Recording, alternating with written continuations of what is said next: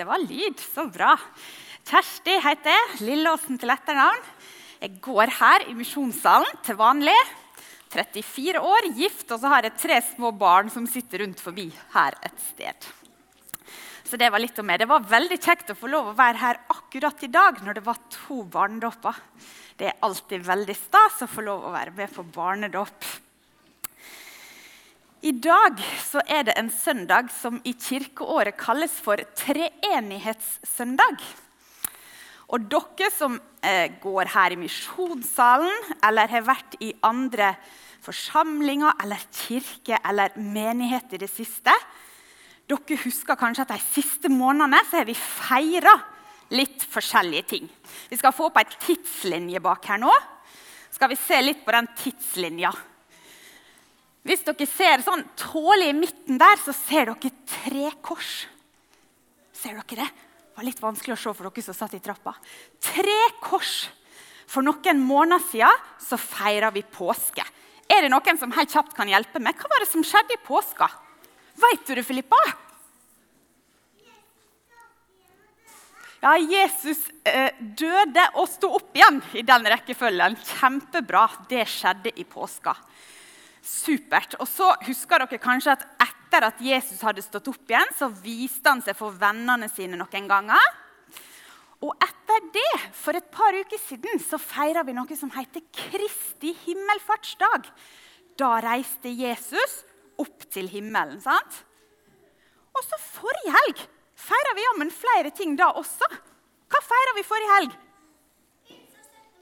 Pinse og 17. mai! Fantastisk! Det var ikke bare 17. mai forrige langhelg. Det var også pinse. Pinse er på en måte kirka sin bursdag. sant? Det var da Jesus, Gud ga disiplene Den hellige ånd. De skulle få kraft til oppdraget om å gå ut i verden og fortelle om Han. Men nå har vi altså kommet til treenighetssøndag. fordi at den tida etterpå den kalles for treenighetstiden. og Nå er det første søndagen i treenighetstida. Og I dag skal vi ikke høre det som er søndagens tekst, men det er likevel en tekst som hører til den søndagen her.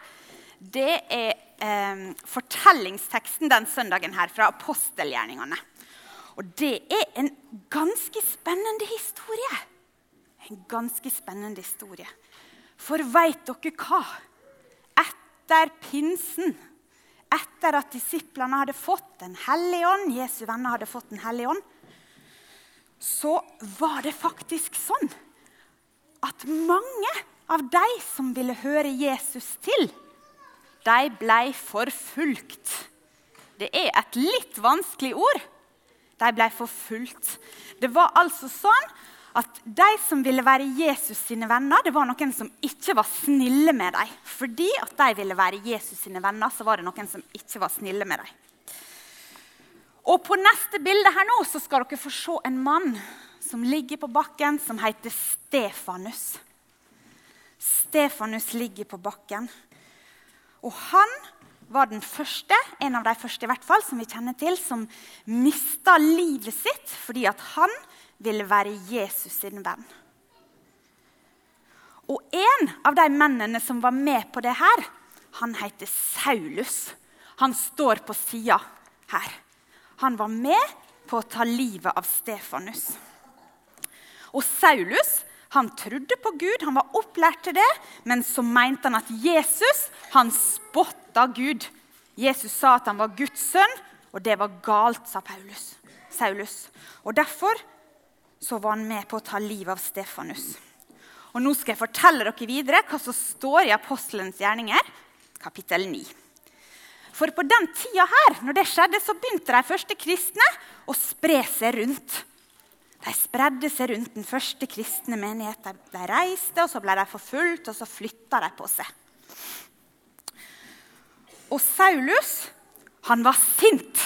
Saulus var sint på Jesus sine venner. Han trua dem faktisk på livet. Så gikk han til øverstepresten, og så sa Saulus det at han ville reise til Damaskus, til en annen by, for å fengsle de som hørte til veien, de som ville være kristne. De ville han sette i fengsel. Tenk på det, da. Så Saulus han dro til Damaskus. Kan vi få opp et kart her? Damaskus ligger øverst der. Der står det Damaskus, og dro han fra Jerusalem. Og det, Damaskus det var en by som lå sånn ca. 20 mil. Det er vel sånn røftlig avstand kanskje fra Oslo til Lillehammer eller noe sånt. Dro Saulus. Og han kjørte nok ikke bil sånn som vi ville gjort. Det tar jo bare et par timer, men Saulus han rei nok på hest, tror vi. Han rei på hest til Damaskus. Og så står det det i Bibelen at når Saulus nærma seg Damaskus, så kom det et sterkt lys. Det kom et sterkt lys midt i ansiktet på Saulus. Det strålte liksom fra himmelen. Tenk på det! Paulus han tror jeg må falt til jorda, sånn som det her. Han var helt satt ut av det sterke lyset. Tror kanskje det må ha vært verre enn å få ei sånn lommelykt som var i skattkista, midt i ansiktet. Det var sikkert enda sterkere. Kanskje nesten som å se mot sola på en sommerdag. Det skal vi jo ikke gjøre, for det er ikke bra for øynene våre. Kanskje så sterkt var lyset som Saulus fikk i ansiktet sitt. Og så hørte Saulus ei stemme. Saulus ble også kalt Saul. Og så hørte han ei stemme. Saul, Saul, sa stemmen. Hvorfor forfølger du meg? Hvem er du, Herre? sa Saulus. Hvem er du, Herre? Og så sa stemma igjen, Jeg er Jesus, han som du forfølger. Men reis deg nå, gå inn til byen, inn til Damaskus.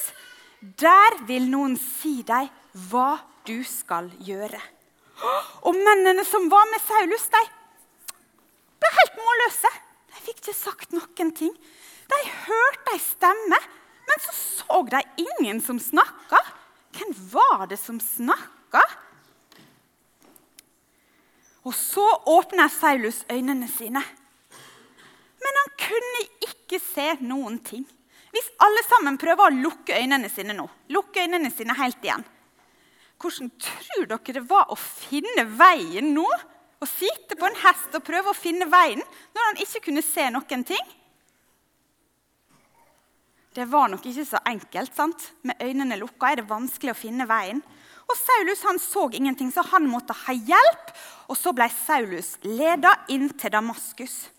Og så står det, det at han var uten syn i tre dager.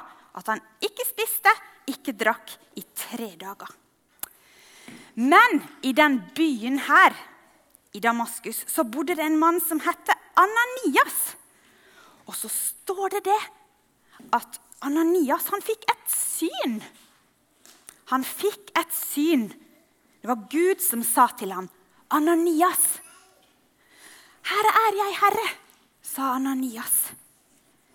Og så fortalte Gud hvor Ananias skulle gå. Han skulle gå til huset til Judas, og så skulle han finne en mann som het Saulus. Og Saulus, han ber, sa Gud til Ananias. Og Saulus han har hatt et syn, så han venter på det, Ananias. Han venter på det, og du skal legge hendene dine på han, sånn at han får synet igjen. Men tror dere Ananias hadde lyst til å gå? Se på, se på, neste bilde bak her. Ser Ananias glad ut? Nei. Ser det ut som han er veldig gira på å gå? Nei, han gjør faktisk ikke det. altså. Ananias har ikke lyst til å gå i det hele tatt, for han har jo hørt om Saulus. Hvem var Saulus? Han var en som forfulgte de kristne. Han hadde jo kommet for å sette de kristne i fengsel. Ananias var kjemperedd. Han hadde ikke lyst til å gå. Han var kjemperedd. Men Gud sier til Ananias, 'Du skal gå.' For jeg har utvalgt Saulus som et redskap. Et redskap, Noe jeg skal bruke. Sant? Akkurat som vi bruker noe på kjøkkenet. Når vi lager kake, for eksempel, så bruker vi et redskap. Og han, Gud ville bruke Saulus som et redskap til å fortelle andre om han. Og jeg skal vise han at han må lide for mitt navns skyld, sa Gud til Saulus. Og da gikk Ananias han gikk til Saulus, og så la han hendene på han. Og så sa han det at Herren selv, Jesus, har sendt meg for at du skal få synet ditt igjen og bli fylt av Den hellige ånd.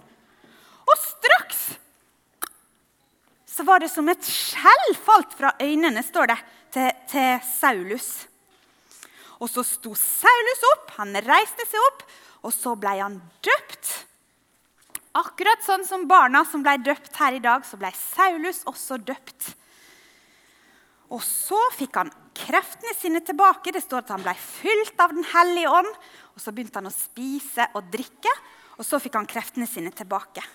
Så ble Saulus, eller heretter ble han kalt Paulus, han ble en av de første som vi kaller misjonærer. En av de første som, som reiser, som krysser grenser for å fortelle andre om Jesus. Saulus, Paulus, han gikk fra å være en etterfølger til å bli en Nei, fra å være en forfølger til å bli en etterfølger av Jesus. Nå lurer jeg på, Husker dere hva som var i skattkista? Husker dere det? Det var, ja, det var tre ting. Det var et skilt for, for Saulus. Han gikk jo på én vei, sant? Så fikk han bare beskjed av Gud. Han så det her lyset. Snu gå i den andre retningen. Han forfulgte de kristne, og så i stedet for så ble han Jesus sin venn. En som jobba for Jesus. Han måtte snu. Det var et skilt. Er det noen som husker noe mer? Var det noe vi kan ha på hodet, eller noe vi kan bruke å lyse med? En lommelykt. Det var en lommelykt. Saulus fikk lyset sitt lyset midt i ansiktet, sant? Det var frø også, det skal vi snakke om etterpå. Jeg skal bare si én ting til om lyset først. Fordi at det, når Saulus fikk tilbake lyset, han fikk tilbake synet sitt, så var det akkurat som han så med et annet syn, med andre øyne. Gud hadde gitt han andre øyne, sånn at han så Gud med andre øyne. Han så Jesus med andre øyne, og så så han verden eller mennesker rundt seg sant, med andre øyne. Og det siste som dere sa her akkurat i stad, hva var det for noe? Frø, ja. Det var også frø i skattkista. For Paulus han var forvandla. Og hva skjer med et frø når vi putter det ned i jorda? Er det noen som vet det? Det vokser opp, og så kanskje det blir til en fin blomst. sant? Frøet kan, Eller et tre. Det er mange ting det kan bli til. Frøet det forvandler seg. Og Gud, han forvandla Saulus. Og så er det kanskje noen her inne som har opplevd noe sånt på samme måten som Saulus. Det kan faktisk være. Kanskje ikke helt likt, men noen har kanskje liksom opplevd en sånn stor eller litt sånn dramatisk omvendelse eller noe som har skjedd i livet ditt. Hørt Guds stemme eller fått et tegn fra Gud. Men de fleste av oss har kanskje ikke opplevd det på den måten. Men så er det sånn at uansett hvordan vi har opplevd det her, hva vi har opplevd, så vil Gud skape forvandling i hjertene våre også. Inni hjertene våre så vil Gud skape forvandling. Akkurat sånn som han gjorde i Saulus sitt hjerte. Og så kan det være en forvandling som skjer over tid. sant? Og jeg tror at Enten vi er små, enten vi er tre år eller fem år, eller at vi er litt eldre, så har Gud lyst til å forvandle hjertene våre gjennom hele livet vårt. At vi kan få se mer og mer av Gud og av hvem han er, gjennom hele livet vårt. Vet du hva jeg tror jeg må gjøre nå? Nå må jeg låne en fargeblyant. For nå, nå våkner det en sånn liten lærer i meg. For på skolen så dere, Det er noen her som har begynt på skolen, sant? På, ja, du skal begynne. På skolen så er det jo sånn. Du skal begynne. Kjempebra. På skolen må vi være helt stille. Nå det, skal jeg si to ting til til slutt, og nå slipper jeg ned den her, så må dere høre om vi hører at det blir helt stille. Er dere klare?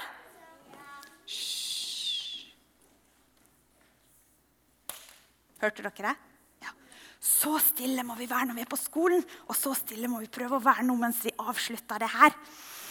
For det er to ting til som jeg har lagt spesielt merke til i den teksten her.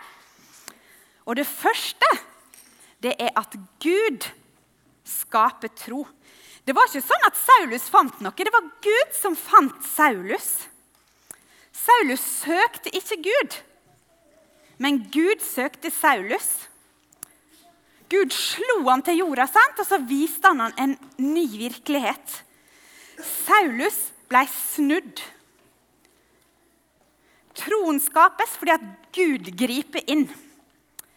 Og det kan Gud gjøre i oss også. Og så synes jeg det er så fint å tenke på at det kan Gud gjøre i mennesker vi har rundt oss, i naboene våre, i kollegaene våre, i hvem det måtte være. Så kan Gud skape tro. Det var Gud som skapte tro i Saulus. Og så det siste punktet. Gud bruker Saulus sine egenskaper til velsignelse.